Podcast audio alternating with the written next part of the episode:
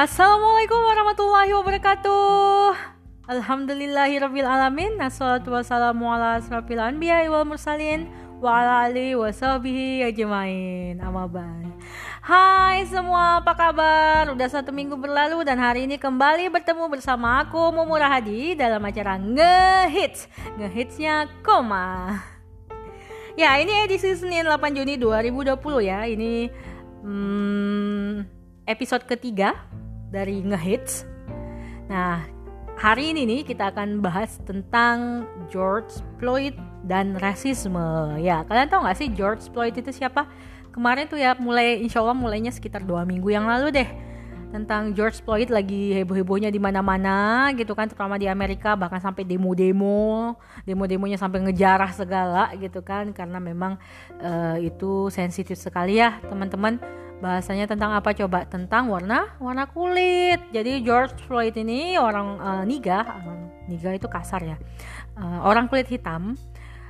Um, orang kulit hitam yang tinggal di Amerika yang kemudian ditangkap waktu itu di di situ kemudian dijegal lehernya pakai kaki pakai lutut sama, sama salah satu polisi yang menangkapnya dia gitu kan sampai akhirnya dia meninggal sesak napas Ya awalnya bermula dari dia waktu itu beli rokok insya Allah kalau saya ingat ya. Uh, kalau di Tito ID itu kayak gitu. Jadi dia kronologinya itu lagi mau beli rokok beli rokok kemudian um, ngeluarin uang. Menurut si yang jaga toko itu kan uang palsu jadi dia minta untuk untuk si George Floyd ini ngembalin rokoknya gitu kan. Cuman George Floyd ini nggak mau karena nggak mau akhirnya ditelepon ke polisi gitu kan. Nah setelah diteleponkan itu sempat ada pertengkaran sedikit sampai akhirnya George Floyd mau untuk dibawa. Tapi di sebelum naik itu malah dia dijegal dijegal lehernya sampai ya itu tadi sampai meninggal gitu kan. Nah memang ya kalau di Amerika itu masalah rasisme itu masih sangat sangat sangat sensitif sekali karena nih ya teman-teman untuk orang kulit putih menerima orang kulit hitam aja itu setelah demo besar-besaran waktu itu tahun 1970 ya yang ditumpangi oleh 1960 kemudian 1970 yang ditumpangi oleh LGBT dan feminisme. Nah itu nanti udah dibahas soalnya ceritanya panjang sekali. Nah jadi memang tentang rasisme tuh masih sangat sangat sangat sensitif. Sebenarnya nggak cuma di Amerika aja, bahkan di negara-negara mana pun soal warna kulit ini memang benar-benar masih sensitif. Bagi orang kulit putih, orang kulit hitam itu adalah budak ya zaman dulu karena mereka sering diculik-culikin, kemudian diambil, dibawa di ke ke daerah orang-orang kulit putih, kemudian dijadikan budak. Dan itulah makanya sekali lagi sekali lagi aku bilang itu sangat-sangat sensitif sekali. Oke, okay, but sebelum kita lanjut nih teman-teman, aku akan kasih satu lagu dulu untuk kalian. Check it out. Stay tuned.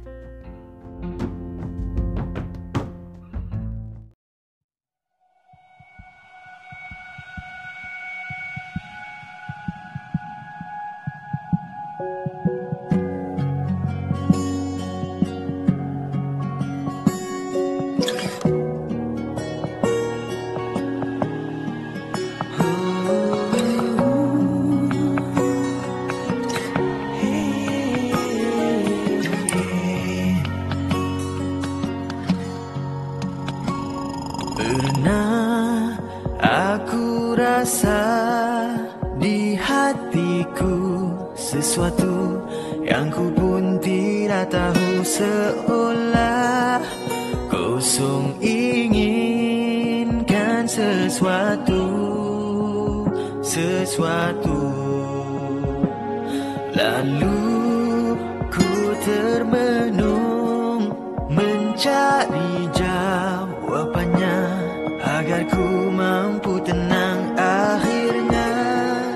Ku menangis hatiku pedih. Coba kau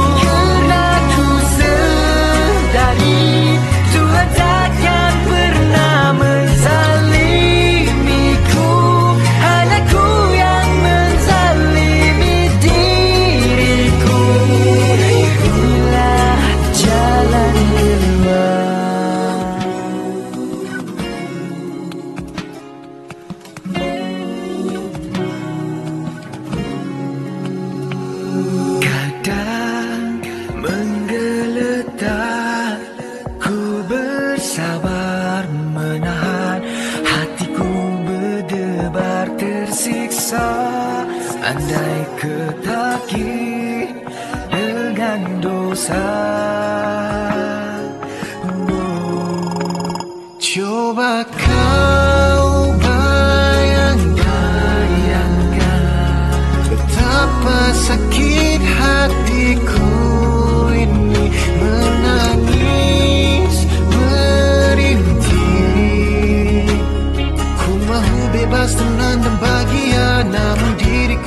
seorang terpenjara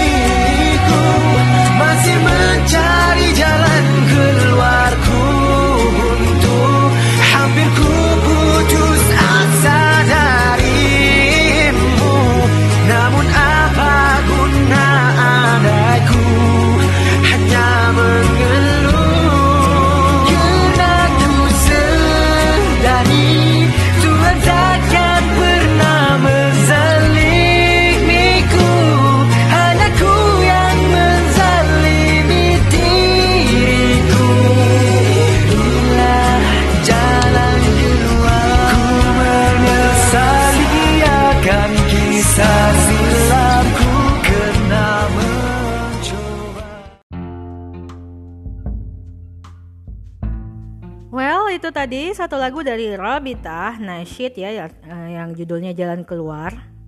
Itu salah satu lagu favorit aku, teman-teman.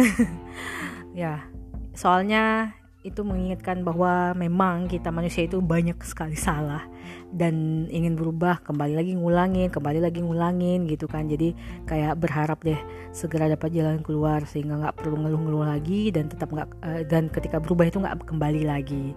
Ya semoga kita menjadi salah satu menjadi salah satu orang menjadi orang-orang yang seperti itu ya teman-teman yang menjadi orang-orang yang eh, pantang menyerah dan ketika berubah itu nggak akan balik-balik lagi. Insya Allah istiqomah sampai meninggal. Amin.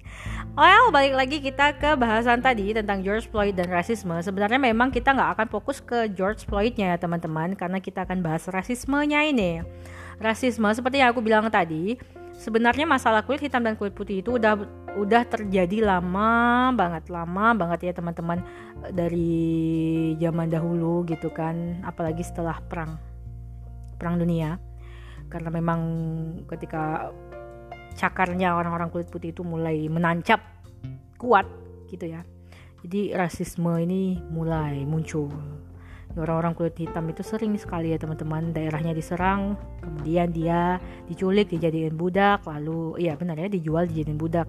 Makanya sampai sekarang pun luka lama itu akan membekas dan menyakiti jika disebut atau dibahas apalagi memang uh, polisi-polisi Amerika ini sering ya sering melakukan tindakan kekerasan kepada orang-orang kulit hitam di sana.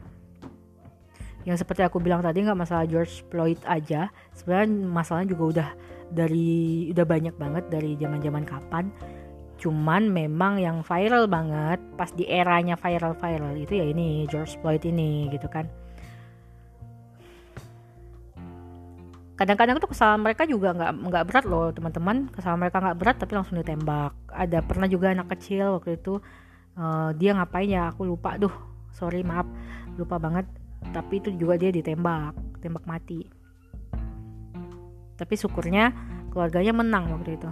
Menang. Pas di pengadilan menang akhirnya mendapat um, semacam uang ganti rugi yang lumayan besar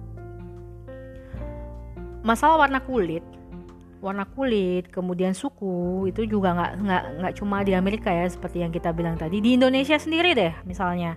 Di, di Indonesia sendiri masalah suku itu juga masih lumayan ya teman-teman. Misalnya kayak masalah ini nih yang Papua waktu itu di Jogja heboh banget tuh. Tahun 2017 apa 2018 gitu. Sampai uh, kosannya mereka dikepung sama polisi gitu kan karena sempat membuat kehebohan dan itu nggak cuma satu kali sering banget ada beberapa kali sempat kejadiannya itu. Ya sebenarnya itu bentuk rasisme juga ya teman-teman. Mentang-mentang mereka Papua gitu kan dengan kulit hitam lalu mereka gak uh, didiskriminasi. Ada juga teman-teman aku yang nggak suka sama mereka nggak mau deket-deket karena katanya bau apakah karena warna kulitnya jadi bau aku juga nggak ngerti. Tapi ya gitulah. Itu bentuknya juga rasisme ya teman-teman. Juga rasis gitu kan. Nah, hal yang sensitif sekali. Hal seperti itu nggak boleh dikembangbiakkan ya walaupun mungkin mereka yang dari daerah timur itu agak sedikit kasar memang gaya hidupnya mereka seharusnya kita dapat makluman mereka juga harus paham ketika berada di daerah lain ya harus ikut aturan daerah tersebut. Cuman nih ya itu tadi. Yang namanya rasis itu ya berkembang aja gitu. Walaupun kita tahu itu salah kebanyakan orang tetap aja pakai menstigma stigma gitu ya. Sering mbak walaupun bukan cuma warna kulit tadi bisa juga tentang suku. Oh ya walaupun nggak cuma warna kulit dan suku bisa juga yang lain. Misalnya oh ini orang kaya ini nggak kaya nih nggak usah deket-deketin. Bahkan yang hijrah aja ini bisa rasis nih teman-teman mentang-mentang temannya belum hijrah gitu kan suka nongkrong suka apa dijauhin dikata-katain diomongin. Padahal ya seharusnya seharusnya diajak dong diajak hijrah. Ya kita udah hijrah. Kewajiban kita sebagai seorang muslim untuk mengajak teman kita untuk jadi baik juga. Bukan malah dikata-katain di belakang aja gitu kan. Itu malah tindakan yang salah teman-teman. Itu juga rasis loh. Oke di dunia kecantikan nih contohnya. Di, di dunia kecantikan warna kulit juga menjadi masalah nih. Saat ini yang paling heboh-hebohnya di kita di Asia Tenggara cantik itu identik dengan kulit putih. Akhirnya rame-rame orang pada pingin pingin beli pemutih dan brand-brand terkenal pun hampir semua brand-brand kecantikan itu uh, pasti punya pasti punya nih punya um, kecantikan punya produk kecantikan yang untuk memutihkan kulit. Karena saking viralnya gitu kan saking viralnya cantik itu harus putih gitu kan. Nah gimana nih? Terus uh, terus ada stigma nih. Jadi yang kulit hitam itu berarti nggak cantik gitu kan. Padahal belum tentu juga dia nggak cantik ya orang kadang-kadang hitam juga manis banget ya nggak? Uh, masya allah kan? Uh, dan kadang-kadang putih juga cuma putih doang pucet malah kadang kayak mayat juga nggak cantik-cantik banget gitu kan. Jadi masalah cantik nggak cantik itu nggak cuma dari warna kulit ya teman-teman. Maksudnya ya mau dia putih mau dia hitam ya cantik ya cantik aja. Apalagi kalau hatinya yang cantik iya walaupun dia mungkin secara fisik nggak hebat hebat nggak wow wow banget dengan hatinya yang cantik otomatis akan menjadi cantik juga di mata orang lain ya enggak oke. okay. Ya, dan sistem kita pun tidak begitu membantu ya teman-teman. Maksudnya sistem di sini apa? Ya aturan, aturan-aturan pemerintahnya gitu kan nggak begitu membantu tentang rasisme ini. Karena apa? Karena di era seperti sekarang dengan sistem yang kita gunakan ini um, malah dimanfaatin teman-teman, malah apa ya? Malah digunain untuk jual-jual produk. Serius deh. Jadi ketika ada masalah atau konflik di suatu daerah itu uh, sistem yang kita pakai ini malah memanfaatin di bidang itu dan kemudian merambahlah jadi sebuah ke, uh, yang menghasilkan keuntungan yang besar. Yaitu tadi ya contohnya warna kulit tadi kecantikan. Itu baru sisi kecantikan nih. Nah masalah yang terbaru apa? Corona gitu kan? Uh, akhirnya dengan sistem yang ada kita nggak bisa mencari jalan keluar terbaik. Pemerintah tidak bisa memberikan solusi terbaik karena kalaupun lockdown itu berbahaya untuk ekonomi kita. Akhirnya malah apa malah uh, mau new normal aja nih dengan perlengkapan yang harus siap gitu kan untuk kitanya. Nah, produsen-produsen itu memanfaatkan sistem yang ada, produsen-produsen APD, alat perlindungan diri, memanfaatkan itu dengan menjual barang-barang yang sesuai dengan APD dengan harga yang tentunya nggak murah ya teman-teman. Karena ini demi keselamatan. Jadi memang sistem kita itu menguntungkan salah satu pihak. Gimana caranya memanfaatkan suatu keadaan menjadi sebuah keuntungan, bukannya untuk menyelamatkan nyawa manusia. Nah, masalah rasisme juga seperti itu teman-teman belum ada penyelesaiannya di kita bahkan di dunia belum sama sekali ya teman-teman masih aja susah nah namun teman-teman berbeda ya dengan Islam. Islam itu sangat-sangat welcome dengan pluralitas. Oke, sekali lagi ya teman-teman, pluralitas bukan pluralisme, beda ya. Pluralisme itu tentang isme-isme atau ideologi. Nah, kalau pluralitas itu tentang per perbedaan. Ya itu ada tercantum dalam surah Ar-Rum ayat 22 yang kayaknya teman-teman termasuk sering dengar nih yang artinya kayak gini nih. Dan di antara tanda-tanda kekuasaannya ialah menciptakan langit dan bumi dan berlain-lainan bahasamu dan warna kulitmu. Sesungguhnya pada yang demikian itu benar-benar terdapat tanda-tanda bagi orang-orang yang mengetahui. Nah ya ya. Di sini Bukti bahwa Islam mengakui pluralitas teman-teman. Gak masalah loh warna kulitnya apa Sukunya apa. Yang penting kalau dia Islam Ya Islam, dia saudara kita. Contoh yang paling sangat luar biasa itu misalnya Bilal teman-teman. Bilal itu kan uh, ini ya warga kulit hitam ya dia dari Afrika dengan kulit yang hitam pernah dijadikan budak juga yaitu tadi seperti yang aku bilang ya namanya orang-orang kulit hitam sering banget diculik kemudian dijual dijadiin budak. Ya kayaknya hina banget budak tapi ketika Bilal masuk Islam Bilal radhiyallahu anhu masuk Islam dia lepas dari budak titel budaknya menjadi orang yang luar biasa banget. Dia adalah salah satu muazin terbaiknya Rasulullah SAW karena muazin Rasulullah itu cuma dua ya teman teman-teman. Dan yang paling WOW yang paling ininya itu Bilal. Dan dia juga muazin pertama teman-teman. Ya masya Allah sekali kan?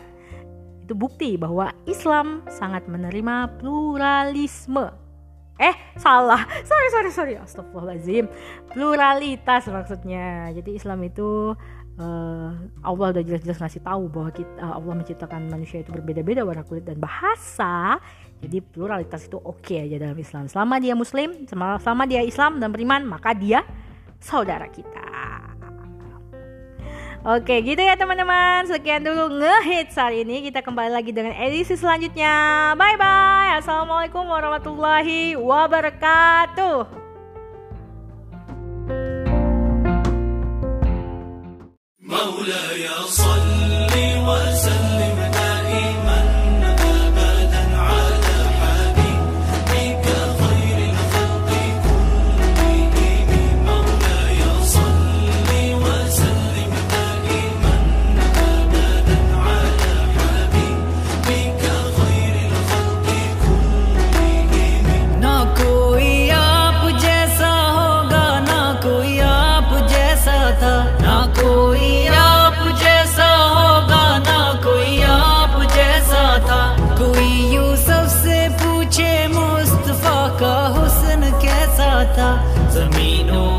आसमां में कोई भी